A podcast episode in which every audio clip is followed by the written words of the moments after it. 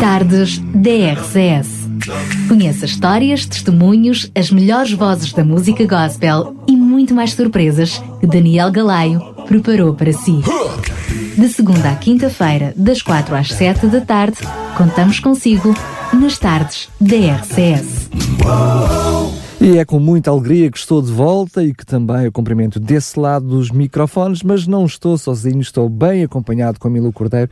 Milu, mais uma vez, muito obrigado por estares aqui, muito boa tarde. Olá Daniel, boa tarde, que bom estar aqui também, digo eu. Está muito frio, é verdade, é está frio, é verdade, não é? é está frio, chove, faz sol, mas olha, pelo menos há uma coisa que não muda, que é a palavra do Senhor. E, e que nos aquece, E é? que nos aquece nesta confiança que devemos ter em Deus e cá estamos pela graça do Senhor e orando para que mais uma vez um assunto que nós trazemos que é a questão das famílias, que possa ser uma bênção para aqueles que nos escutam.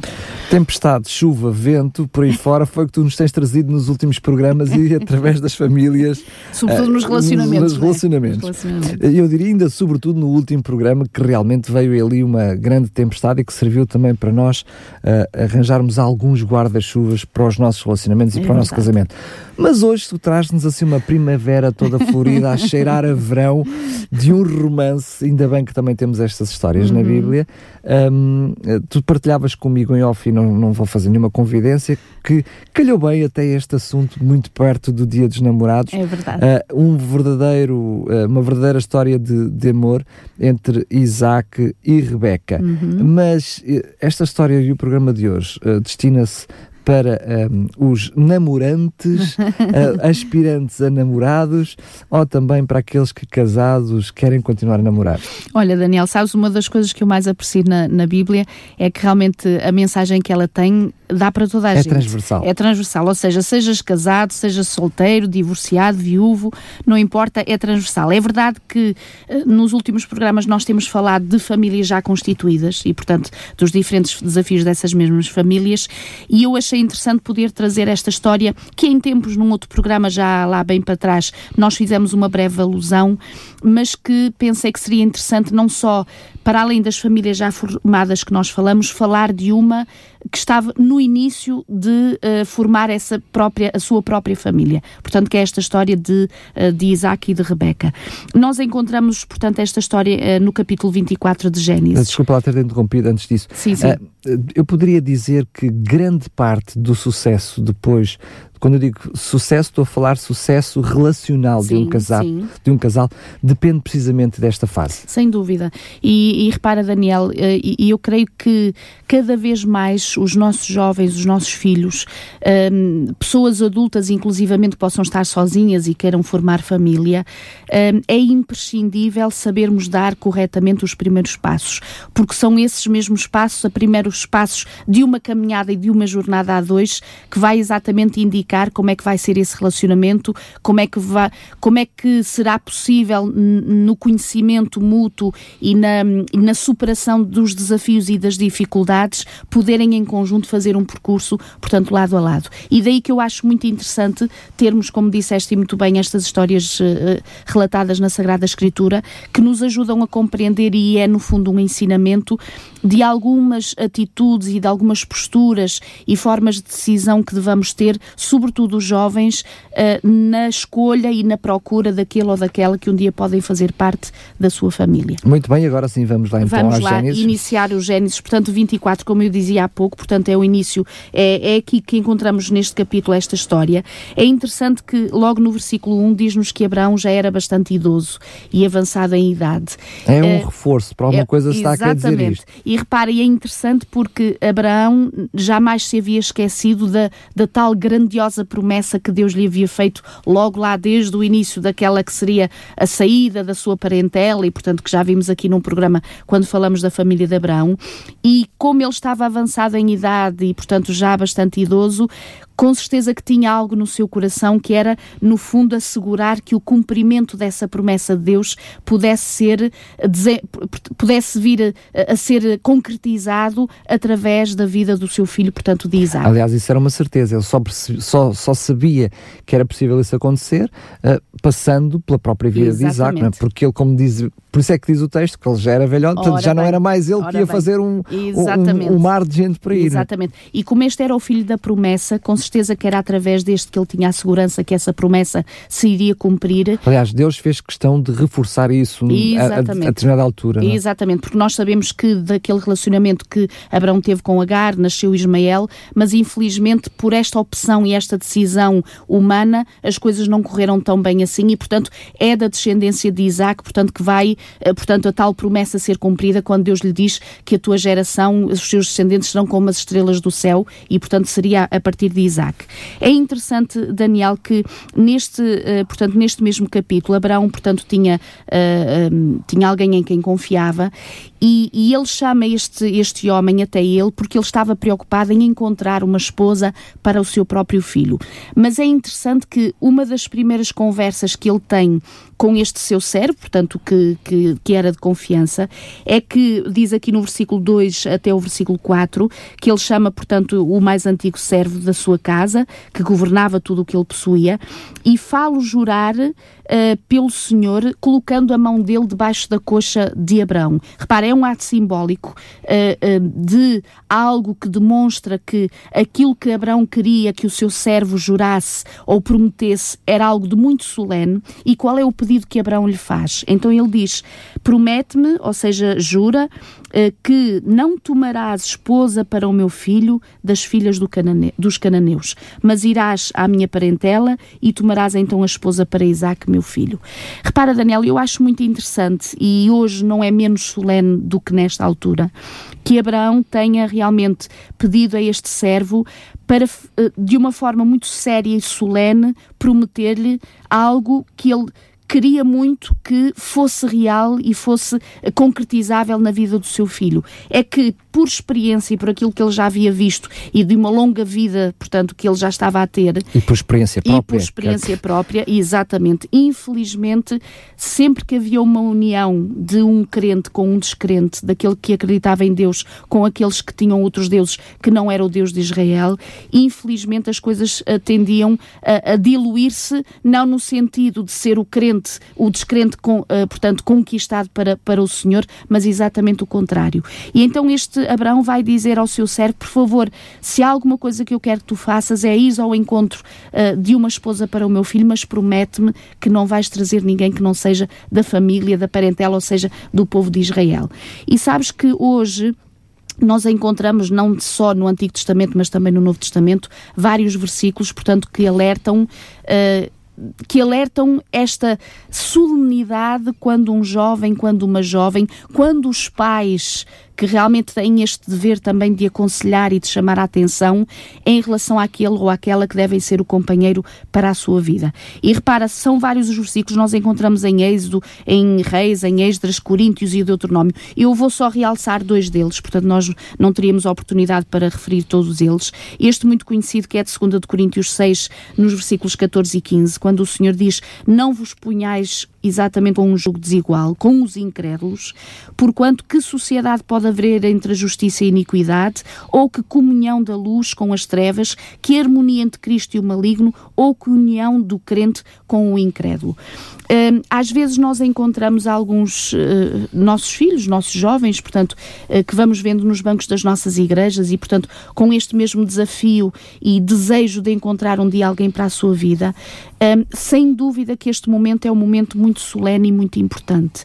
E quando o Senhor diz, repara, por exemplo, em Deuteronômio no capítulo 7 e os versículos 3 e 4, diz: Não contrairás matrimónio com os filhos dessas nações, porque elas fariam desviar os teus filhos de mim para servirem os seus próprios deuses. Repara, Daniel, quando nós lemos a palavra do Senhor, às vezes nós dizemos que Deus tem mandamentos e Deus diz que não devemos fazer isto ou não devemos fazer aquilo.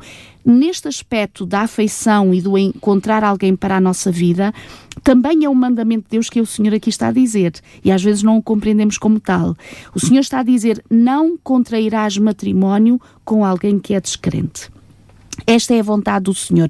Não é para ferir os nossos uh, sentimentos, não é exatamente para impedir a nossa felicidade, é exatamente o oposto. É porque Ele, sabendo, como Ele diz, que não há não pode haver eh, junção entre as trevas e a luz, entre o crente e o descrente, com certeza, e repara, eh, se já entre crentes, e creio que estarás de acordo comigo, Daniel, nós, como casais, como família, já temos os nossos desafios que têm que ser vividos também de joelhos, imagina o que será, e com certeza que algum amado irmão e irmã que nos esteja a ouvir e que possa estar casado com alguém que não professa a mesma fé ou não tem os mesmos princípios, seguramente já sentiu isso na sua vida, que o desafio fica bem maior. E, portanto, que é muito mais difícil um, e, portanto, daí o conselho do Senhor. E repare esta, este desejo e esta um, necessidade urgente que Abraão tinha nestas palavras que diz ao servo, para que realmente, se encontrar alguém ou ir à procura de alguém para o seu filho, não fosse fora do povo de Israel. Tu usaste no primeiro versículo uma, a expressão muito utilizada de jugo desigual. Uh, antes de continuarmos, uh, que noção é esta? O que é que é isto de jugo e porquê é que a Bíblia nos traz uh, uma noção de desigualdade uhum. nesse mesmo uhum. jugo? Uh, repara, Daniel, é, é, interessante nós vermos, quando nós usamos mesmo só esta imagem da questão do jugo, nós, por exemplo, uh, hoje, hoje usa-se, mas muito pouco. Portanto, nas aldeias, por exemplo, estás a ver aquele, portanto, era, chamado exatamente o jugo. Era um, um, um pau, portanto, que era feito com duas entradas para pôr duas cabeças de animais. Portanto, portanto, os bois, principalmente os bois, em que eles entrando exatamente lá dentro para conduzir o carro Portanto, é interessante, uh, vocês que nos estão a ouvir não conseguem imaginar os desenhos e os gestos que a Milu está a fazer aqui no estúdio. Com, realmente eu estou a assistir, mas quem está desse lado não está a assistir, mas, mas ela está perfeitamente com as palavras. Desenho, a fazer o desenho, a fazer o desenho. Sim, mas as palavras perfeitamente isso. ilustram o que estás a querer dizer. e então, isso era exatamente, repara, o, uh, era para a junta de bois, como também é bois, é conhecido, é o tal jugo colocado em cima dos dois animais. Exatamente, para que a força dos dois, portanto, os dois não se separassem um do outro e, portanto, eh, houvesse uma, uma concentração da força de ambos num só objetivo. E conduzissem ambos, portanto, para o mesmo lado, Exatamente. a carroça, o arado, enfim, Exatamente. aquilo que fosse. Exatamente. Com esta imagem, então, imagina quando o Senhor diz não nos juntarmos a um jugo desigual. O que é que isto quer dizer? E é este o grande problema, Daniel, e daí vem a grande infelicidade também e as grandes dificuldades. Infelizmente, muitas vezes, há o perigo de se sacrificar princípios um, por amor à harmonia. Ou seja, Uh, se tu estás com alguém que não partilha dos teus princípios e quando o Senhor diz então não te, julgue, não te juntes exatamente a esse julgo desigual, é porque inevitavelmente se tu estás lado a lado, inevitavelmente o que vai acontecer é que um estará puxando para um lado e o outro estará puxando para o outro. Sendo que muitos dos jovens, quando olham para este texto e para esta noção uhum. do jogo desigual, há sempre a tentação de recorrer aos bons exemplos e às exceções Exatamente. para justificar a norma. Exatamente. E há uma noção que, normal que acontece de que este jugo desigual uh, é do que o outro que não é cristão portanto, tem um jugo mais baixo, mais leve, e sou eu que tenho o jugo mais, hum, ah, portanto, mais, mais forte. mais forte e que sou eu que vou trazer pois o outro é. para cima. Mas esta noção que a Bíblia nos traz é exatamente oposta a exatamente. isso. O nosso, nós é que estamos em desvantagem. É? O cristão é que, está, é que está em desvantagem. Sem dúvida. E repara, Daniel, não é por acaso que o Senhor avisa e, e, portanto, faz esta chamada de atenção. E se não nos bastasse isso, a palavra de Deus só, que por si só já era confiável, não era preciso mais nada, tu vês que todos os exemplos bíblicos que nós vamos, eh, eh, inclusivamente a própria história do povo de Israel, Infelizmente, é por essas escolhas e essas decisões erradas de se unirem às nações pagãs que a questão da diluição acaba por acontecer e vemos homens e mulheres, povo de Deus que outrora adorava o Deus de Israel, o único Deus, eram, portanto, uma nação mono, uh, portanto, monoteísta, acabam por ser adorarem deuses e adorarem, portanto, outros, uh, uh, outros deuses que não o Senhor. E daí, repara, é, é, como nós já dissemos, eu creio que aqui em tempos acabamos por demonstrar esta imagem também. Um, quando nós falamos sobre esta questão de, de termos uh, de, do superior ou do inferior, do, do crente achar-se superior e do descrente inferior, não tem nada a ver com o valor humano.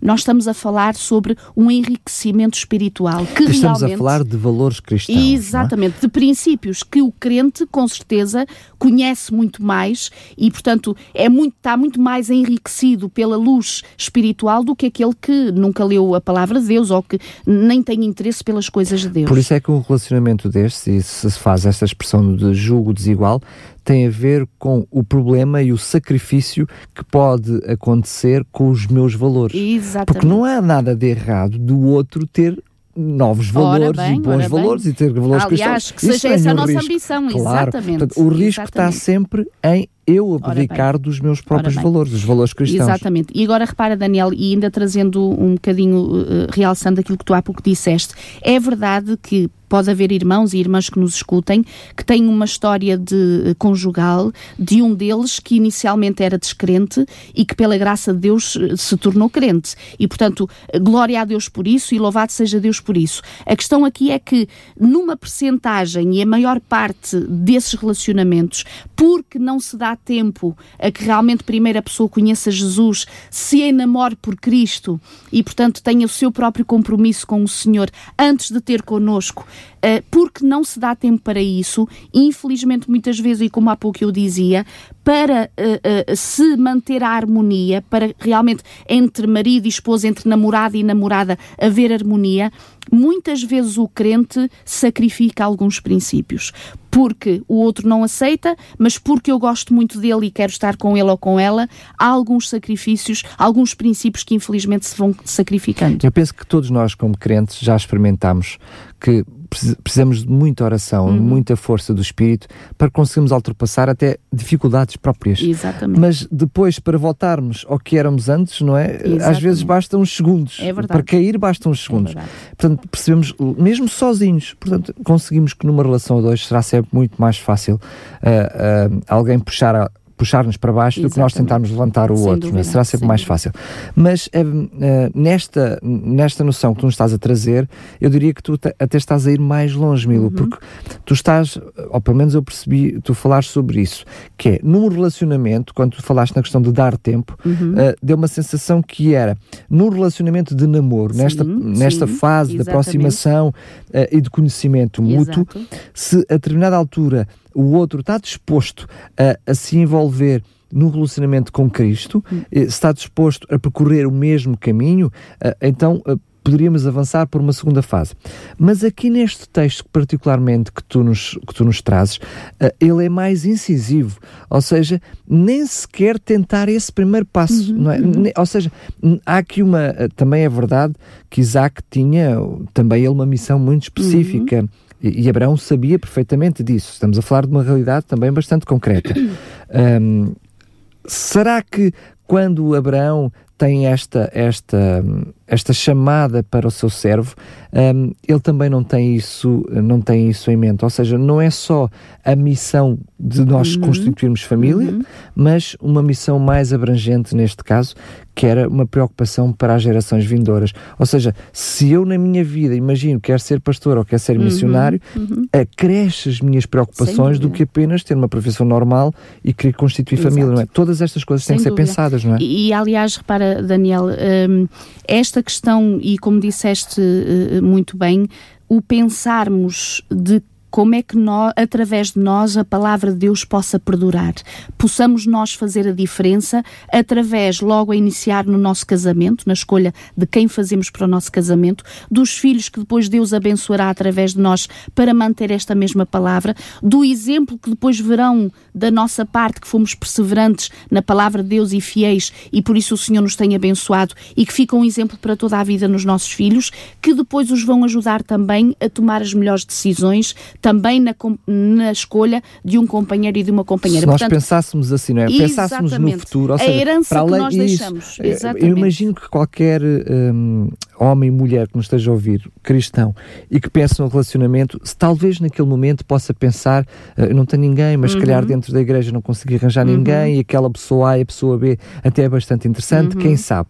Mas basta pensar no futuro, não é? E quando os filhos estiverem Exatamente. aqui, que, que, depois que tipo de educação Exatamente. vamos dar aos nossos filhos? Exato. Basta começar a pensar nestas coisas para uh, tudo dentro da nossa mente já ter uma equação diferente, bem, já ter um peso diferente. E, e, sabes o que é interessante também, Daniel, e, e, quando nós continuamos na leitura, portanto, deste relato. Um, nesta altura, Isaac tem 40 anos, portanto, é a idade de Isaac neste momento. E é interessante que esta, esta era uma época na história, portanto, do povo de, bíblico, em que os pais colaboravam na escolha de um companheiro, de uma companheira para os seus filhos. Devamos realçar, no entanto. Colaboravam, colaboravam no sentido. Simpática. De, é, não, mas, vou, mas, vou, realçar aquilo que é essencial, que às vezes quando nós, uh, e sabemos que era isso, que os contratos de casamento eram feitos pela família, pelos pais, às vezes pensamos que os jovens iam para o casamento um, uh, eh, contra a sua própria vontade, o que não é verdade. Ou seja, nós sabemos que não era exigido de ninguém que se casasse sem amor, de todo, portanto, porque faz parte eh, de, de um casamento de felicidade, inevitavelmente tem que haver carinho, tem que haver amor, tem que haver atração, tem que haver empatia, com certeza. Mas o que era interessante, e sobretudo é isto que convém realçar, é que um, a concessão das afeições do jovem ou da jovem eram orientados pelos próprios pais, ou seja, os pais conhecendo os seus filhos, sabendo exatamente uh, a, a, capacidade que eles tinham, a personalidade que eles tinham, o caráter que eles tinham, aquilo que eles almejavam para a sua própria vida. Neste caso, Abraão sabendo exatamente a promessa que estava sob a cabeça de Isaac para cumprir através daquele filho exatamente essa promessa, Abraão fez o que era normal entre as famílias de Deus, que era aconselhar e dar a entender de procurar alguém que ele soubesse que, conhecendo ele o seu filho, poderia realmente trazer-lhe essa felicidade. Até porque se fosse um contrato puro e simples, uh, Abraão não precisava ter este, esta preocupação. Ora bem. Qual era a preocupação? Exato. Que ele tinha que casar-se com outra pessoa qualquer, Exato. era ele que decidia quem era. Ora bem. E sabes, Daniel, eu acho que isto é interessante sublinhar também, e para algum jovem que nos esteja a escutar, algum, alguma jovem, um, ehm, se temos o privilégio e temos a alegria de podermos ter pais, pais cristãos, família cristã, uh, de conhecer uh, ou, sermos uh, amigos ou, ou confidentes, quem sabe, do nosso pastor de igreja, ou que seja, haverão sempre pessoas e deveríamos nós procurar essas pessoas, falando eu agora para os jovens, que nos conhecendo, que sabendo exatamente qual é a nossa sensibilidade, que nos viram crescer, que sabem quais são os nossos objetivos para a vida, quais são os nossos melhores dons, as nossas vocações, estarmos atentos àquele que é o conselho do nosso pai, da nossa mãe, do nosso pastor que são crentes. Um, os jovens deveriam de aproveitar ao máximo o lar que possam ter quando a família, sem dúvida, é cristã. Não estou a dizer o contrário, se, se, a família não for cristã, que não devam aproveitar. Com certeza que devem, sem dúvida, porque não há ninguém abaixo de Deus que ame mais os seus filhos do que um pai e uma mãe. Portanto, mesmo que não tenham toda a luz uh, que a palavra de Deus indique. Mas, sobretudo, aquele jovem e aquela jovem que tem uma família cristã, nesta idade que eu sei que é muito tentador nós ouvirmos toda a gente, menos os pais. Mas, Portanto, é, é, uma, é uma idade um bocadinho é rebelde é verdade, é neste aspecto. Mas deixa-me ser, até mesmo, assumir a, a ser controverso. Uh, mas também um, é um perigo. Não é? Ou seja, Sim. o que tu estás a dizer faz todo sentido, aliás, e é bíblico, não é? Sim, é em todas as áreas da nossa vida. Exatamente. Mas, por outro lado, é sempre uma altura em que um, os pais também têm uma tendência para se imiscuir hum. naquilo que é o relacionamento dos filhos e também têm sempre as suas opiniões próprias. Ou seja, era bom que os jovens tivessem essa preocupação de procurar esses conselhos, mas era bom também termos pais avisados e aconselhados. Sem dúvida, sem dúvida. repara, quando eu digo, e, e, e, a mesma, eh, repara, a mesma dependência que um jovem tem que ter para realmente ter esta sensibilidade de poder escutar os seus pais, não, não está isento no meu pensamento de que os pais não devam ter exatamente essa mesma dependência para saberem até onde deve ir o seu conselho. Porque, que não é, o seu, mas o de Deus, não é? Isso, e a sua própria postura depois, claro. que por mais que até trema o nosso coração, e nós aqui em tempos atrasados já falávamos sobre a questão uh, da educação dos filhos adolescentes e ali dos jovens, se tentarmos impor alguma coisa numa fase da vida em que os nossos filhos o que mais querem é independência, a coisa não vai correr muito bem. E eu creio que, sobretudo, e por Só os vamos própria, tornar mais independentes. Isa, mais rápido, vamos mandá-los embora mais rápido. Uh, sobretudo, aqui o que convém é realmente, se fizermos esta caminhada como pais de joelhos, virmos que os nossos filhos estão a crescer, que a idade de sentir atração, portanto, pelo, pelo rapaz, pela menina da escola, pelo amiguinho que conheceu, que, que faz parte da sua igreja, mas não andarmos. O que eu quero dizer, sobretudo, é isto, Daniel. Também, como pais, não nos desresponsabilizarmos claro. de uma postura que Deus nos pede como pais cristãos. Ou seja, que estejamos atentos à, às emoções dos nossos filhos, às afeições dos nossos filhos, não para as impedir, mas para as conduzir no Senhor, ou seja, para dar o toquezinho, para sermos sábios. Eh, eu, eu costumo dizer, e às vezes brinco com o meu marido, um, um, eu espero que o meu filho mais velho não esteja a ouvir agora o programa, mas eu costumo dizer, quando o meu Timóteo, de 9 anos, vem para casa contar-me alguma coisa, pronto, as suas afeições, as suas emoções muito infantis, portanto, com 9 anos, o que é que pode ser infantil, mas eu não me insurgir diante de qualquer coisa que ele diga, pelo contrário, ficar atento e ajudá-lo a se abrir, porque quanto mais eu souber, mais fácil fica para mim eu poder conduzi-lo nas suas emoções. Compreendo. Embora na minha humanidade às vezes devesse sentir uma vontade de dizer assim: ó oh, filho, mas que disparate, tu tens lá a idade para sentir seja o que for. Ou como a minha esposa fez, por exemplo, com os meus filhos, com o filho mais, mais, mais velho, já, já, não, já não fez o mesmo, quando ele começou com os, meus, os primeiros namoricos, isso, também mais ou menos por essa idade, meu filho, quero que fiques a saber que antes dos 35 anos não podes namorar namorar com ninguém. Coitadinho, ficou logo frustradinho. Pronto, ele Pronto já acabou sabe. a conversa.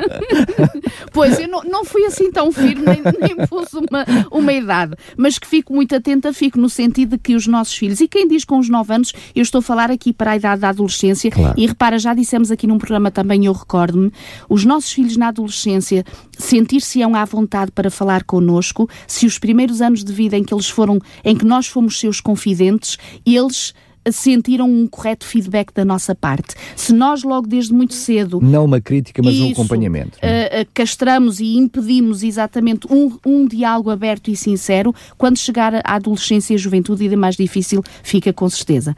Um, o que eu acho interessante também, repara Daniel, e que nós vemos nesta história, quando o servo recebe esta ordem de Abraão para ir fazer exatamente esta uh, grande missão de encontrar uma companheira para o filho de Abraão, este servo diz ao Senhor, mas e se eu não conseguir fazê-lo? O, o, que é, o que é que vai ser de mim? Ou seja, eu vou estragar isto tudo. Ele sentia o peso que recaía sobre si.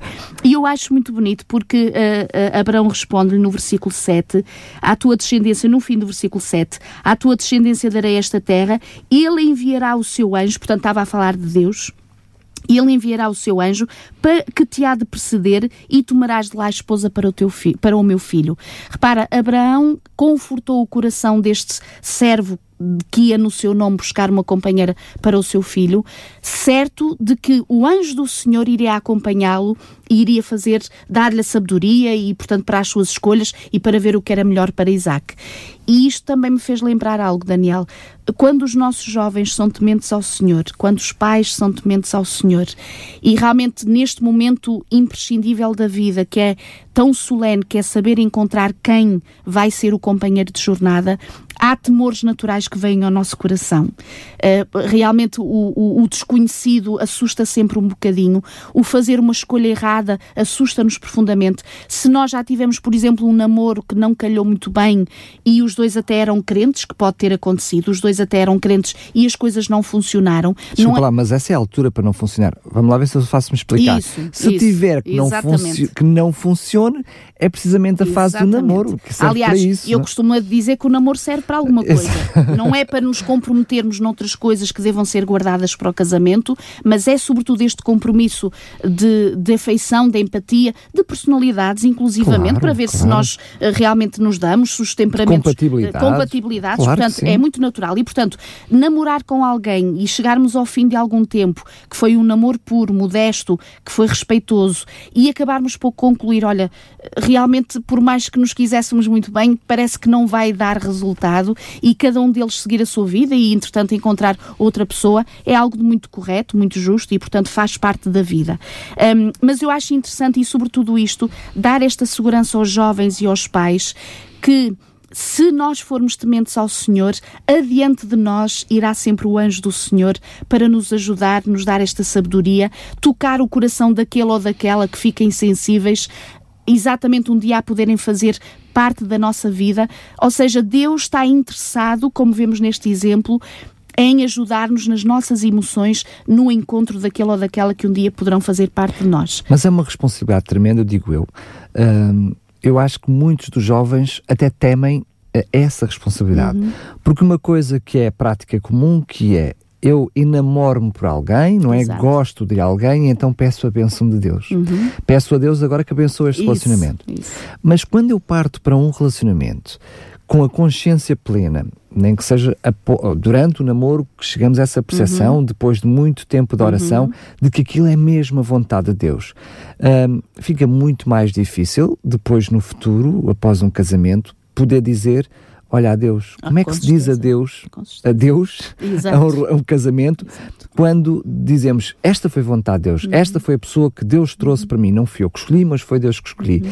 Será que muitas vezes os nossos jovens até temem esse, esse tipo de compromisso? É? E, e repara, Daniel, hum, é interessante nós não nos esquecermos que todos os dias nós devemos de eh, fazer escolhas para o reino eterno. O que é que isto quer dizer?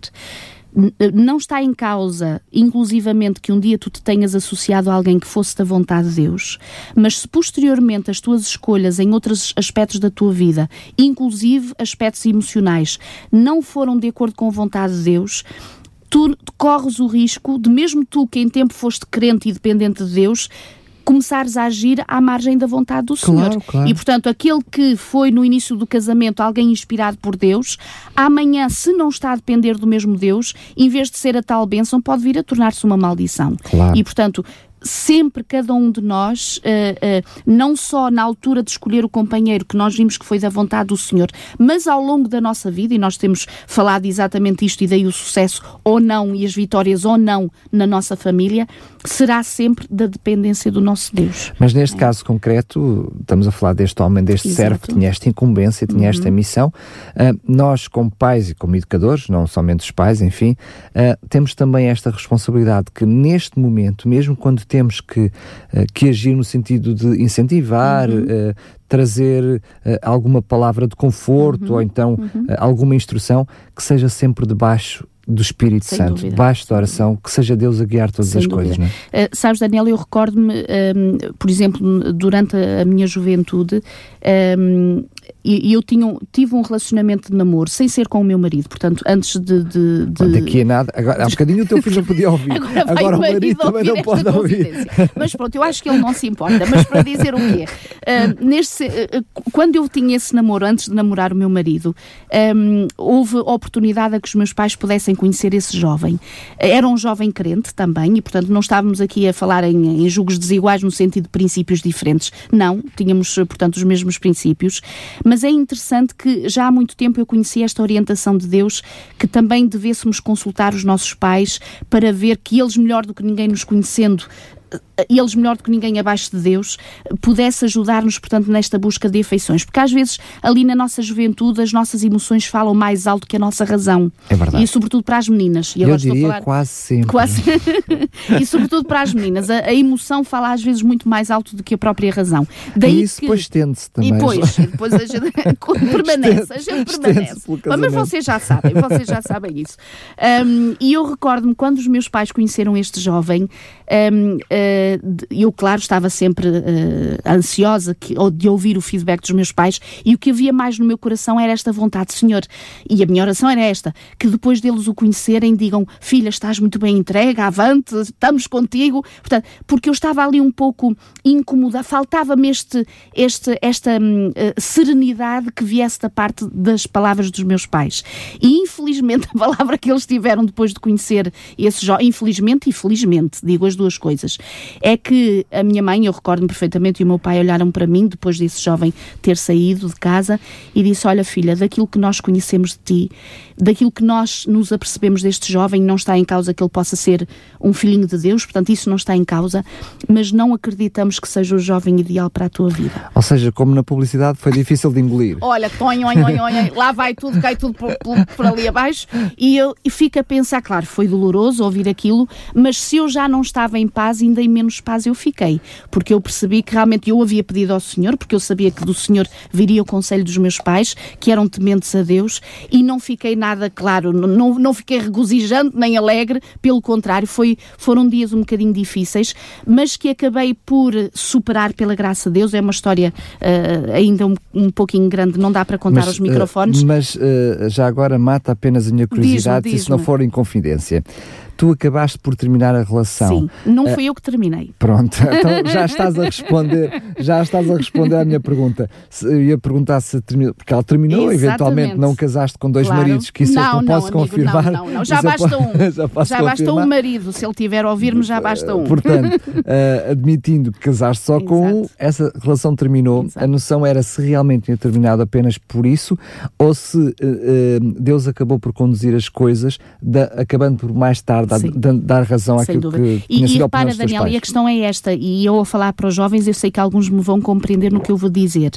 Ao longo do nosso namoro, nós inevitavelmente encontraremos sempre sinais de que se as coisas estão a ser solidificadas em Cristo e realmente Deus conduz circunstâncias, pessoas e tudo para que realmente haja o compromisso, ou se a pouco e pouco vais vendo um vislumbre. Somos nós estamos a forçar. Isso, ou, tendo, ou tens uma sensibilidade aqui ou um vislumbre acolá de que talvez não possa, não seja a pessoa ideal. E tanto repara, quando eu apresentei aquele que é hoje o meu marido, um, se com o outro anterior eu havia namorado três anos e não deu em casamento, com o meu marido, quando os meus, os meus pais o conheceram, o meu pai já o conhecia há, há, há anos atrás, até foi coincidente, porque ele era pequenino na altura, tinha ido para a África, o meu pai foi e conviveu com um genro, tinha ele nove anos, não sabia que ia ser seu genro, portanto há uma história aqui muito interessante. Um, mas dizer-te o quê? Dez meses e eu casei. Com o outro eu havia namorado três anos e não me sentia muito à vontade para o casamento. Portanto, dizer o quê? É importante que o jovem que é crente, a jovem que é crente, esteja atento ao seu próprio coração, porque Deus fala, Deus nos perturba ou Deus nos tranquiliza. Mas aí tem que haver uma entrega genuína dúvida, à vontade dúvida, de Deus. Sem dúvida, sem dúvida. Que é muito complicado, não é? Mas, mas para, Daniel, o segredo está nisto, claro. não é? E, portanto, é, é, é nesta dependência que devamos de viver todos os dias, pais, filhos, todas as decisões de cada dia devam ser tomadas exatamente nesta dependência. Só aí há certeza de que é ele que ora está a conduzir as coisas. É? Agora, o que é interessante também é que, para além de o servo de Abraão receber esta certeza de que o anjo do Senhor iria acompanhá-lo, iria ajudá-lo, também é interessante que logo o versículo 10, quando Abraão lhe diz isto, no versículo 10, então o que é que diz que o servo fez? Levantou-se e partiu interessante. E eu achei aqui, se por um lado a ação de Deus, também por outro lado Deus espera que haja a ação do homem. E, e lembro-me em quê? Do homem barra mulher. Isso, barra mulher, do homem no sentido daquele que anda à procura de alguém. É verdade que nós devamos orar, é verdade que nós devamos ler uh, tudo o que haja escrito sobre a vontade de Deus para nos conduzir nas nossas afeições, mas também é verdade que nós não devamos ficar sentados, rapaz e rapariga, agora falo para os, para os rapazes e para as raparigas, ou para os pais que dizem, filhinho, fica aí sentadinho, que do céu virá alguém. Ou seja, é Deus, virá... é Deus que conduz, mas não é Deus que faz cair Isso. em cima, não é? Ou seja, nós temos que nos mover, temos que ir a encontros de jovens, temos que realmente ter amizades salutares, saudáveis, temos que nos imiscuir entre aqueles que são crentes, povo do Senhor, para realmente conhecermos aquele ou aquela que um dia eventualmente possa ser nosso companheiro, não é? Mas este homem sai, como tu dizes muito bem, sai com uma missão, parte uhum. para a ação, toma uma iniciativa. Exatamente. Mas uh, quando traz, quando traz, quando traz a jovem, ele traz a jovem com características específicas. Exato. O que quer dizer que para além dele esperar que Deus conduza, uhum. tem que haver um conhecimento prévio daquilo Isso. que Deus espera do outro. Exatamente. Ele tem que saber o que é que vou à Exato. procura também, não é? E, e repara, Daniel, é eu não estou isso... a falar aos olhos azuis ou aos sim, olhos sim, morenos. Sim, sim, não, não, não. E estás a falar daquilo que é o mais importante. Por exemplo, quando nós vamos ao versículo 13 e 14, quando o servo de Abraão está a falar com Deus, a pedir-lhe, Senhor, e vai-lhe pedir um sinal. Repara, ele, ele quer que Deus realmente se manifeste. Não está em causa que o Senhor não esteja a dirigir. Não está em causa que Abraão não tenha lá ficado a orar. Portanto, ele sabe que tudo à sua volta está uh, uh, comprometido em ajudá-lo nesta missão, mas mesmo assim ele dirige-se ao Senhor e, e pede-lhe um sinal. E o que eu acho interessante é o sinal que o servo de Abraão pede. Repara, Daniel, ele pede, no fundo, que Deus lhe desse, naquela que viria a ser a esposa para o filho do seu Senhor, uma demonstração de traços de caráter, porque ele diz assim: Senhor, eu vou, eu vou estar aqui no poço. Quando chegar alguma jovem que se abeira do poço e eu lhe pedir água, faz com que aquela que possa ser para o meu filho do meu senhor não só me dê água, mas que ofereça água para os meus camelos. Repara o que é que o servo de Abraão estava a pedir. No fundo, eram os traços de caráter. De quê? De uma donzela que fosse amável, que fosse, tivesse o dom da hospitalidade, que tivesse um espírito de serviço, que tivesse, no fundo, um bom caráter. Uh, não, ele não disse, Senhor, quando eu vir os olhos mais bonitos, ou a mulher mais formosa, ou aquela que intelectualmente souber dizer a melhor frase. Não foi isso que o servo de Abraão pediu. No fundo, ele pede uh, os tais traços daquela que poderia vir a ser a futura esposa do filho do seu servo, que ele sabia que seria isso que iria contribuir para um casamento de felicidade. Claro que nós não estamos a dizer que não é importante a atração física, que não é importante sentirmos enamorados, apaixonados, sentirmos desejo de tocar, de beijar, de sentir o nosso, aquele ou aquela que realmente nós desejamos casar. Mas mais importante do que isso, realmente é esta questão dos traços de caráter. Uh, Deixa-me partilhar contigo isto, uh, quando conheci pela primeira vez esta história, uhum. e curiosamente, dentro do, do âmbito da conversa que estamos a ter, um, eu pensei, pensei naquela altura uh, como Deus era curioso.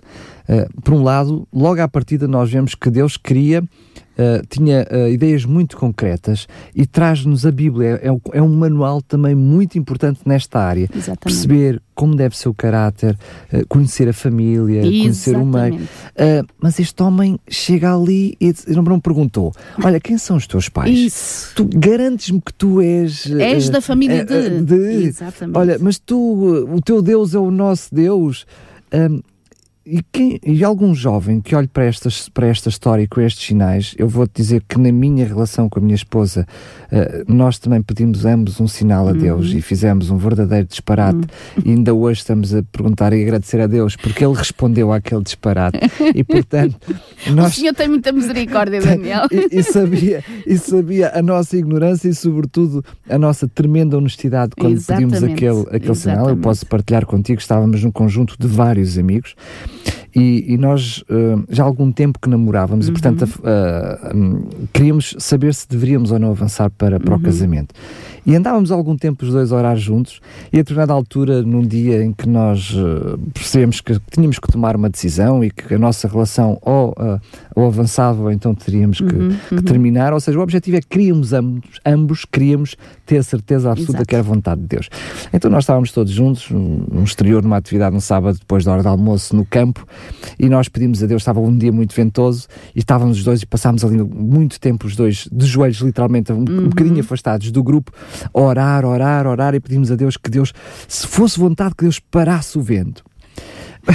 Como é que nós fazemos estas coisas? E estávamos a orar e de repente nós sentimos assim o vento a parar, mas estás a ver aquela certeza, aquela noção de que Será que é mesmo? Será que foi mesmo? Exato. Percebendo? É verdade que eu pedi, senhor, mas não sabia, não tinha a certeza se ias responder. E, e, uma amiga nossa, na altura bem mais velha, mais velha que nós, estava junto do grupo e, e tem esta expressão: Olha que disparate. Viram como o tempo parou uhum. e ficámos. O vento, assim, o, ve o vento parou Exato. e eu e a minha mulher ficámos literalmente a olhar assim um uhum, para o uhum, outro uhum. e dizer, quase com, com, eh, Deus me perdoou, mas é pura das verdades, é assim.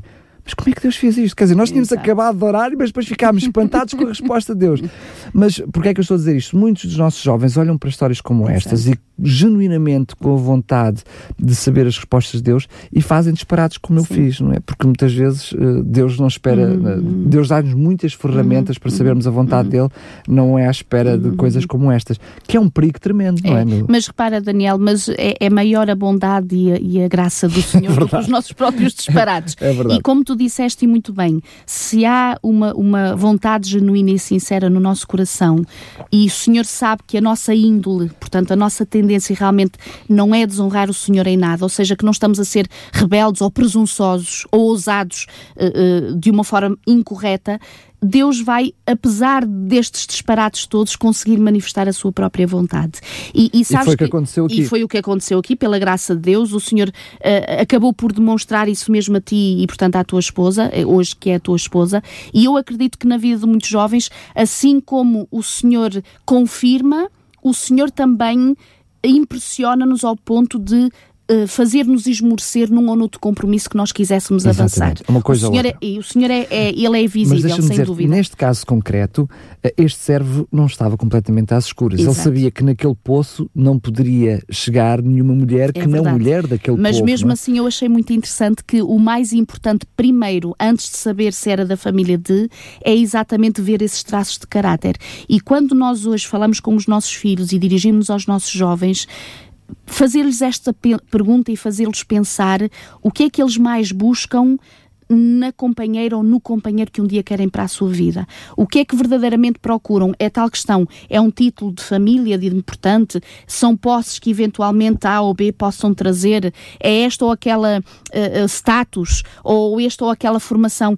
Ma- mais importante do que tudo isso, no fundo, é nós olharmos, vermos se realmente a índole, a tendência, o temperamento, o caráter estão consagrados a Jesus, porque tudo o resto será sem dúvida depois Mas, mas limado. Milu, isso não é feito ou não é atestado, se quisermos, na fase do namoro. Sem dúvida. Porque esta, como é que nós podemos ter uma percepção Claro, do que é que é claro, o caráter? claro, Mas ele depois vai-se de- vai-se sem revelando dúvida, claro. à medida que, que é a fase do namoro. é? Exato. E no fundo acabaremos por ter uma boa surpresa ou uma má surpresa. Claro. Neste caso, o servo de Abraão teve uma boa surpresa e ele já estava. eh, qu- Quando ela agiu, como diz o relato bíblico, quando ele pede exatamente a água, diz que ela se apressa a dizer: Olha, senhor, mas não só para ti, fica aí descansado que eu vou e vou dar água também aos camelos. E ele ficou deslumbrado, portanto, ele acabou por ver que a sua oração foi respondida e ainda ficou mais deslumbrado quando ele lhe pergunta de que família és tu e ele vai confirmar exatamente que era da família de Abraão, de um dos irmãos, portanto, eh, eh, descendência de um dos irmãos de Abraão. Agora, o que é interessante também, repara, Daniel, no versículo 16, ele diz, portanto, que o servo de Abraão olha para esta mulher e que esta moça era muito formosa de aparência, portanto, diz o relato bíblico, que era virgem a quem nenhum homem havia possuído.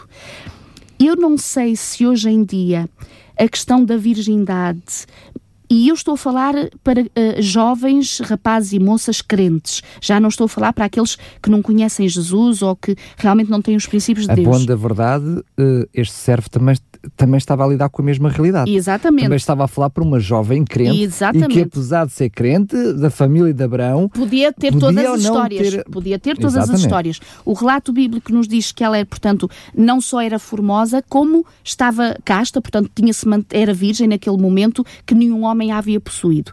E sabes, Daniel, quando eu penso nisto, os nossos filhos hoje, infelizmente, pelas influências da sociedade, das escolas, dos meios de comunicação, têm uma educação sexual de um apreço da questão que é a virgindade, não tão no nível como deveria de estar entre o povo do Senhor. Portanto, estou a falar para o povo do Senhor. Infelizmente, hoje nas escolas, e nós sabemos isso, a educação sexual que é dada não é de forma alguma de acordo com assim diz o Senhor. Há posturas, há, eh, eh, portanto, eh, há, aconse- há conselhos, inclusivamente, que são dados aos nossos filhos, que não é de acordo com a palavra de Deus. Repara, aquela que creem ser a melhor educação sexual para os nossos filhos, dizem que é dar o- a liberdade para que quando eles quiserem experimentar o possam fazer e daí colocar, por exemplo, as caixas de preservativos nas próprias escolas. portanto, Esta- não, não é uma questão de, de princípio, é uma questão de prevenção. Exatamente. Quando Prevenção, a- e estamos a falar até de saúde, não estamos a falar de... Exato. E, e repara, Daniel, e mesmo essa prevenção deve ser colocada entre aspas, porque não é um preservativo que me vai que vai prevenir seja qual for a doença, estou a falar físico, mas sobretudo uma marca psicológica, espiritual, mental que ficará para toda a nossa vida. E portanto, esta questão de virgindade, mais do que nunca eu apelo aos, aos pais, aos responsáveis espirituais, porque até entre famílias cristãs e, e pastores ou dirigentes espirituais parece haver uma certa dificuldade em mantermos a, a virgindade, ou seja, falarmos deste assunto como alguma coisa que Deus almeja para os nossos filhos. E porquê? Porque realmente estamos rodeados de um pensamento tão diferente e tão divergente que nós nos sentimos uns anormais falando ainda destas coisas. Mas devemos manter o Claro, mesmo discurso. mas- é a orientação de Deus. Mas, ó Milu, hum, eu sempre, sempre como jovem também, Uhum. e eu entrei para a igreja, hum, portanto conheci a palavra de Deus e entrei para a igreja já com cerca de 17 anos, Uhum. mais coisa, menos coisa. Hum, para mim, eu sempre olhei para este assunto uh, de uma forma muito simplista. Um assim diz o Senhor. Sim. Que muitas vezes é a única forma como ele é apresentado. Uhum, uhum. Uh, é verdade que nós hoje olhamos para questões de saúde, mas para mim, Uh, o que eu aprendi que gostava que me tivessem ter dito a mim é que muito mais do que para além diz um senhor, ou seja, por isso é que o senhor diz Exato. o que diz, uh, tem a ver com aquilo que deve ser a fase do namoro. Uhum. Depois de um relacionamento íntimo, uhum. uh, sexual, o casal como namorados perde a noção uh, uh, do, da, daquilo que são as escolhas, porque a ligação que fica é tão é, emotiva, é tão exato, intensa exato, e emotiva exato. que não há espaço para a razão. Uhum, uhum. E depois há uma, uma, uma, noção que eu um, percebi isso, graças a Deus, com a minha esposa, porque curiosamente, não sei porque é que Deus permitiu que isso acontecesse, porque eu já conheço tarde, tardiamente a palavra de Sim. Deus, mas sempre me fui afastando uhum, de, uhum. desse tipo de relacionamentos e não foi por falta de oportunidade, Uhum, uhum. Uh, mas eu uh, parece que já me guardava para, Exato. mesmo sem saber. A verdade é que uh, a, a, minha intimidade com a minha mulher não permitia que eu depois pudesse ter melhor ter discernimento. discernimento. A palavra certa é essa. Exato. Ter discernimento Exato. para tomar decisões ou até para, com uma forma fria, diria Uhum, assim, uhum. perceber aquilo que deve ou não deve ser feito. E, e, sobretudo, repara, Daniela, a questão da sexualidade não deve ser separada daquele que a criou. E, portanto, quem a criou, e nós já falamos sobre isso noutros, noutros portanto, programas que fizemos, a, a, questão da sexualidade é um ato, portanto, é, é, algo que Deus criou e Ele, mais do que ninguém, sabe o momento ideal para o qual essa benção foi criada. E como tu dizes muito bem, e nós vemos isso agora por experiências e todos nós conhecemos, não é o relacionamento sexual ou as experiências, o, o maior número de experiências sexuais que nós tenhamos antes de um casamento, que por si só vai fazer-nos dar a entender que realmente é certo este casamento ou não é certo este casamento. Pelo contrário, e as sondagens exatamente, dizem isso, exatamente que quanto mais experiências e, e tu tiveres a nível sexual antes do teu casamento, mais frágil tu ficas para poderes manter o teu casamento. Quer queiramos, quer não, imagino eu, porque não é a minha realidade, não é de todo, mas eu imagino duas coisas. Em primeiro lugar, que não pode ser vivida na plenitude. Uhum.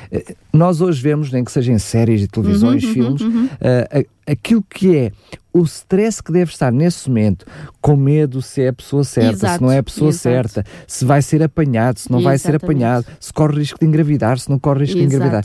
Como é que, como é, que é possível Onde é que pode haver prazeres nesse plenitude, momento? pelo menos plenitude. Exatamente. Um. Uh, nessa situação. E depois, uh, a questão de, e se por acaso não é? Como é que fica Exatamente. para o advir Exato. com a próxima pessoa que eu estiver uhum. e que é aquela que, uhum, que Deus escolheu para uhum. mim?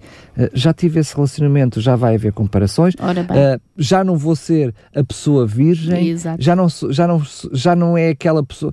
Eu não, não consigo imaginar como é que um, um cristão hoje. Um, que, que segue a Jesus e que, que pelo menos minimamente conhece a vontade de Deus, que um, uh, não se guarda para, para, para, para o casamento.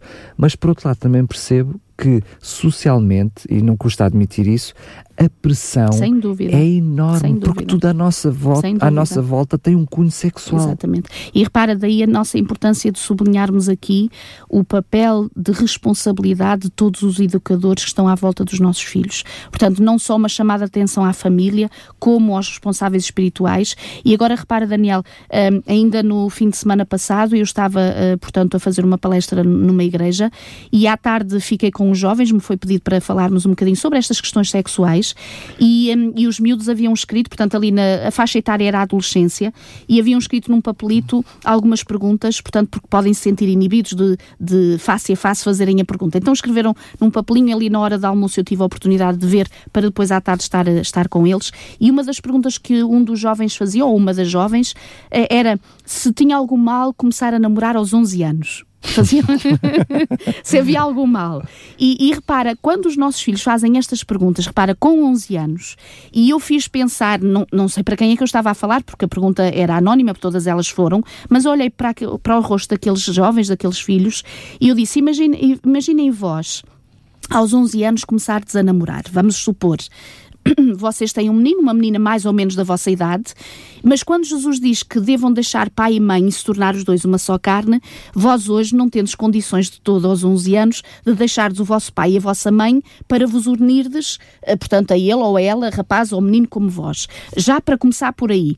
E agora imaginem, se aos 11 anos vocês começam a dar um beijinho a alguém, depois vocês vêm, porque é natural, e vós ides crescendo e hoje os vossos gostos vão mudando, amanhã já não são os mesmos, daqui a dois meses, meio ano que seja, já não é tanto aquele menino ou aquela menina, já é outro menino ou outra menina, é mais outro beijinho. Quando vós chegardes à idade, e eu só falei dos beijinhos, portanto, só de beijinhos, quando vós chegardes à idade mínima de que realmente estáis maduros para tomar uma decisão de namoro, quantas bocas vós já tocastes, quantos abraços e, e, e, no fundo, alguns toques sensuais vós já tivestes, que no fundo acabou por vós desperdiçardes o vosso corpo, as vossas afeições em tantas mãos e em tantas bocas que não foi uma só. Mas, ó, Milu, só não... para pensar nisso. Realmente, nisso. a emancipação é cada é, vez mais muito cedo. Precoce, muito Mas precoce. Uh, eu lembro-me da primeira vez que o nosso filho mais, mais novo uh, nos disse que tinha arranjado uma namorada, uh, a minha esposa logo preocupada, mas namorada? Namorada como? E faz mas o quê? Namora... Fazem o quê? Fazem o quê o quê, mãe? Mas vocês deram um beijinho? E o meu filho respondeu assim, ai que nojo, claro exato, que não, mãe. Exato. Ou seja, também é preciso perceber Claro, que claro, tipo de namoros claro, é que existem, não é? Claro, claro. De todas as formas, Porque, é, é- desculpa lá, porque nós falamos sobre isso, mas eu lembro-me eh, precisamente, perfeitamente, de já, eh, não, não- admito que não sejam pessoas cristãs, Uhum, mas acho que até dentro do meio cristão isto pode acontecer. Mas uh, bebés de colo e não sei o quê, ah, tu já tens namorada? É. Quem é a tua namorada? fundo, nós estamos a Os- pressionar. Os, adultos também estão. Exatamente, é as crianças tiraram na altura e pá, se eu não arranjar uma namorada, sou Parece que estão sempre a extraterrestre." chatear-me, exatamente. Mas é verdade, sabes que às vezes em brincadeiras nós causamos algumas pressões que os nossos filhos não deveriam ter e essa é uma delas. E repara, Daniel, quando há pouco nós falávamos sobre esta. uh, uh, uh, este desvirtuar da verdadeira sexualidade que a sociedade impõe sobre os nossos filhos, as escolas impõem. A questão, ainda falámos disso a semana passada, de cada vez mais se ver como normal a questão da homossexualidade uma sexualidade que devesse ser vivida de acordo com a palavra de Deus está completamente desvirtuada e os nossos filhos hoje olham à direita e à esquerda e as conversas que os coleguinhas vão tendo com eles é realmente de fazê-los achar uns extraterrestres porque não, não acham que seja normal a aceitação de um casamento homossexual. E, e mais complexo agora, não é? Porque eh, existe eh, eh, uma pressão enorme Sem dúvida. Eh, acusando de sentimentos homofóbicos quando nós nos opomos a esse tipo de, Uhum. Exatamente. de práticas. Exatamente. Não é às pessoas, mas às Ora práticas. bem, ora bem, e quem diz isto diz outras coisas, e repara daí a importância de estarmos presente na vida dos nossos filhos neste momento em que as afeições realmente é algo de muito importante e que devam ser corretamente eh, orientadas.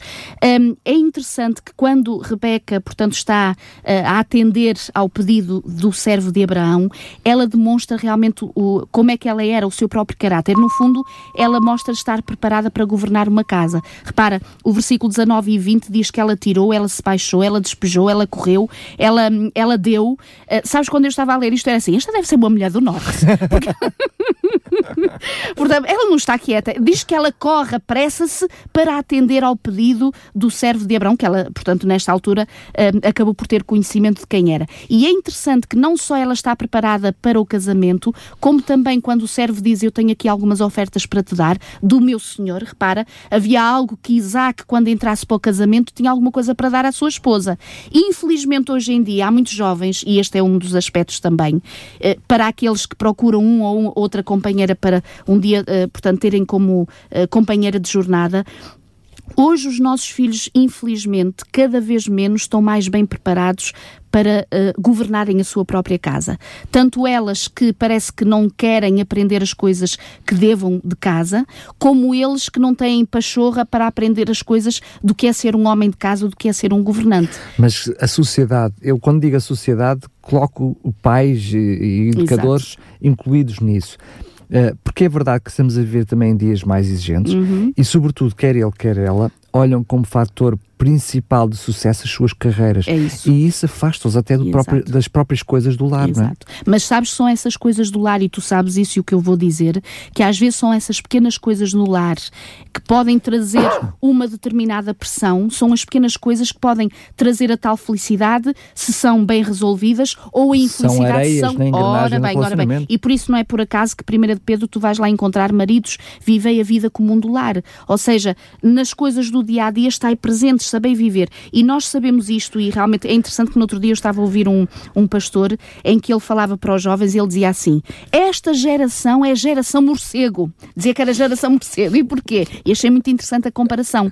Porque os nossos filhos parece que só vivem de noite e os olhos só estão para a tecnologia de manhã à noite. Ou seja, não há uma preparação, mesmo física, ou seja, de hábito, de habilidades, permite-me dizer assim, habilidades. Cozinhar, passar a ferro, varrer, o dia a dia, limpar. aquilo que faz parte de uma casa no dia a dia quando um jovem, uma jovem pensam namorar, um dia pensam formar uh, uma família, Pensem também neste aspecto que é muito importante. Rebeca e Isaac sabiam muito bem o que os aguardava, ou seja, mais do que serem ociosos ou preguiçosos ou, no fundo, apáticos, eles eram jovens que haviam sido preparados pelas suas famílias para formar um dia a sua própria família em ação, em Até atitude. porque é? a realidade hoje é que também saem de casa cada vez mais é tarde e como Exatamente. saem mais tarde também com mais vícios, não é? Porque mais dependentes de, do colinho é da mamãe e do papá. Agora, Daniel, para terminar, a parte parte mais, diria eu, a mais bonita, portanto, que dá a conclusão deste, deste romance, é que quando, portanto, ela aceita, e repara, é interessante porque o versículo diz que a família chamou-a e diz: Olha, tu queres ir com o servo de Abraão, Repare, é tal questão, não são obrigados, há, uma, há um conselho, há uma busca, há, uma, há algo que é feito de parte da família, mas o jovem responde por si só. Desculpa, Ela... mas aqui também não havia uma ignorância total. Ela, quando ia, os pais, quando eu sabiam quem era, era Exatamente. Abraão, sabiam perfeitamente quem era Isaac. E agora não? É? repara, ela como crente no Senhor, ao ouvir toda a história que o servo de Abraão disse que havia pedido um sinal ao Senhor, que ela fez exatamente aquilo que ele havia pedido, ela própria sente-se sensibilizada, porque se calhar sendo, imaginamos nós, uma jovem que também tivesse como sonho um dia encontrar um marido temente ao Senhor. Mas não é? uma coisa é certa, para ser a resposta de Deus, ela tinha que ser temente a Deus, Isso. porque ouviu os estímulos de Deus para chegar àquele lugar Exatamente. e fazer aquele momento. E... Portanto, ela estava sensível à vontade de Deus e deve ter conhecido isso na sua vida, né? Deus também a conduziu para, para ali. Ou seja, tudo se juntou e tudo foi um, um acumular de pequenas coisas em que ela viu a mão do Senhor. Agora é interessante que quando ela, portanto, está a chegar perto, uh, portanto, do lugar onde habitava Isaac e Abraão, um, é interessante que diz que uh, no versículo 63 uh, eh, Isaac saiu para o campo a meditar. E há pouco, quando tu uh, contaste a tua própria experiência, que estavas, portanto, no campo a orar com aquela que viria a ser a tua esposa, eu já me estava a lembrar deste, portanto, deste momento. É interessante que quando a orientação de Deus é a nossa inspiração, não há como errar. Ou seja, Isaac estava no campo a meditar, não era por acaso, nem estava a pensar, portanto, na, nos pássaros e nas flores, estava a orar incessantemente porque sabia que o servo do seu pai havia ido buscar alguém, estava a orar para que alguém pudesse ser de acordo com o coração de Deus para formarem uma família abençoada. E é interessante, eu acho este pormenor muito interessante, que quando diz no versículo 63 e no 64, quando ela vem ao longe, portanto, no camelo, e ela pergunta ao Senhor, diz: Quem é aquele que ali vem? Portanto, era Isaac, quando viu o camelo ao longe, começa a caminhar em direção a eles, e o servo de Abraão diz: Olha, aquele é o meu Senhor, como quem diz: Olha, é para aquele que eu te fui buscar. É interessante que diz o versículo: ambos erguem os olhos, ou seja, Isaac ergueu os olhos para ver a Rebeca e Rebeca salta do seu cavalo. É como eu digo, é uma mulher do norte, não estava quieta, portanto, tem logo uma atitude de ação, salta do, seu, do, do, do camelo e diz que levanta os olhos para ver aquele que viria a ser o seu senhor e cobre o seu rosto. Naquele tempo, portanto, e ainda hoje. Era uma questão de sinal de respeito. De sinal de respeito. Um, sabes, Daniel, eu vejo nesta, neste uh, ato simbólico de erguerem os dois os olhos, porque no fundo as melhores respostas às nossas orações virá sempre de cima, sempre de Deus. Era uma jovem que seguramente fazia disso motivo de oração, não pomos em causa que Isaac, Isaac não o fizesse, porque ele próprio diz que vinha do campo de meditar e, portanto, de estar com Deus, e os dois, elevando o seu rosto, encontram um no outro a resposta às suas próprias orações. E o que é muito interessante, diz o versículo 67, e, e, e é muito bonito, diz que Isaac conduziu, portanto, até à tenda de Sara, a mãe dele, tomou Rebeca e esta lhe foi por mulher, ele a amou, ele a amou, e assim foi Isaac, Isaac, consolado depois da morte de sua mãe. Interessante em ver que, e, e realmente é verdade, como é que quando as coisas são feitas por Deus, Daniel, quando as famílias, e era esta tónica que eu gostaria de deixar neste programa, são famílias que se iniciam com orientação de Deus. Portanto, não são apenas meras escolhas pessoais, não são apenas uh, emoções que nós deixamos extravasar, não importa o resultado que venha. Não, pelo contrário, jovens, rapazes e moças e famílias que se concentram neste saber que a Bíblia diz que o Senhor está interessado em todos os aspectos da nossa vida e repara um casamento que foi fundamentado na palavra de Deus, foram tementes ao Senhor, duas famílias que de parte a parte estavam orando pelos seus queridos para que realmente Deus pudesse cumprir o plano maravilhoso que tinha nas suas vidas e vermos um Isaac e uma Rebeca que depois da morte da mãe de Isaac, ele diz que se consolou com a sua esposa, ou seja, ela lhe foi de grande bênção. O casamento será sempre uma bênção, será uma mais-valia. Com desafios, com, com desafios, isso não está. Por isso é que estamos aqui a falar das famílias, dos desafios todos, não é? Portanto, não, não somos utópicos ao dizer agora vai tudo correr bem, não. E Tem os seus felizes para, para sempre. sempre. e ponto final. Isso é, é, é a história da carochinha, não é? Mas o Senhor é muito real e é verdadeiro, e daí termos estas histórias, mas ficar esta, portanto, esta esta tónica e esta nota de que quando nós realmente fazemos as coisas e, sobretudo, um desafio que eu deixo agora para todos os jovens que nos estão a ouvir, rapazes, raparigas, um, algum irmão, alguma irmã já com uma certa idade, mas que um dia quer tomar uh, também este passo do casamento, fazê-lo sempre com uma sincera entrega ao Senhor.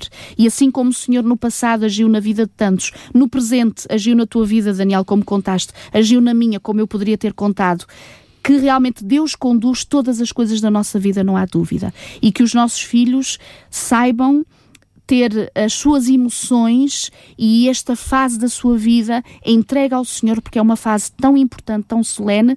O casamento, no fundo, é algo que nos marca não só para esta vida, como para a eternidade. Então não é uma não camisa. Não é só a nossa vida, mas depois a vida tudo, dos nossos exatamente, filhos. todos aqueles que estão à nossa volta. Nossa volta famílias claro. parte a parte, tudo.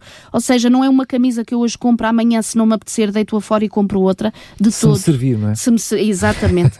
é, é, é, um, é um aspecto muito solene e muito importante e eu se desejo não, muito. Se não servir, troco logo antes de, pois, antes, antes de tirar a etiqueta. É isso tudo. que se diz, é isso que se diz, mas não é assim com o casamento, portanto é um ato muito solene e então eu desejo muito que realmente todas as nossas histórias que tínhamos de casamento possam ser uma linda história de amor como esta de Isaac e Rebeca. Sendo que qualquer cristão percebe que uh, o principal objetivo que Deus tem para cada um de nós é um dia estarmos no céu com Ele. Exatamente. A nossa salvação é a primeira Exatamente. preocupação. Mas não há dúvida nenhuma que o casamento é um pilar que vai definir ou não a nossa salvação. Exatamente. A nossa e também da nossa família. E portanto, Deus não podia deixar também, ou seja, não, não devemos ter problemas nenhums Uhum. em reclamar de Deus Uhum, que uhum. seja Deus a trazer-nos a tampa para o nosso cesto, Sem não é? dúvida. Porque Ele será demasiado importante para a minha salvação, a minha edificação, o meu crescimento pessoal. E o Senhor está desejoso de o fazer, Daniel. É está isso desejoso mesmo. de o fazer. É isso mesmo. Muito bem, agora sim chegamos ao fim de mais um Famílias Felizes. É o que nós desejamos, é, É que possa ser uma família feliz. Hoje estamos mesmo no sentido de que possa constituir uma família Isso, feliz, isso. mas ter já as ferramentas hoje para, ah, para poder ah, ter essa família feliz. Já agora, tu hoje ah, falaste-me de um curso que me apresentaste ali um folhetozinho, não sei se temos ou não para oferecer, mas porque é que eu estou a falar sobre isso?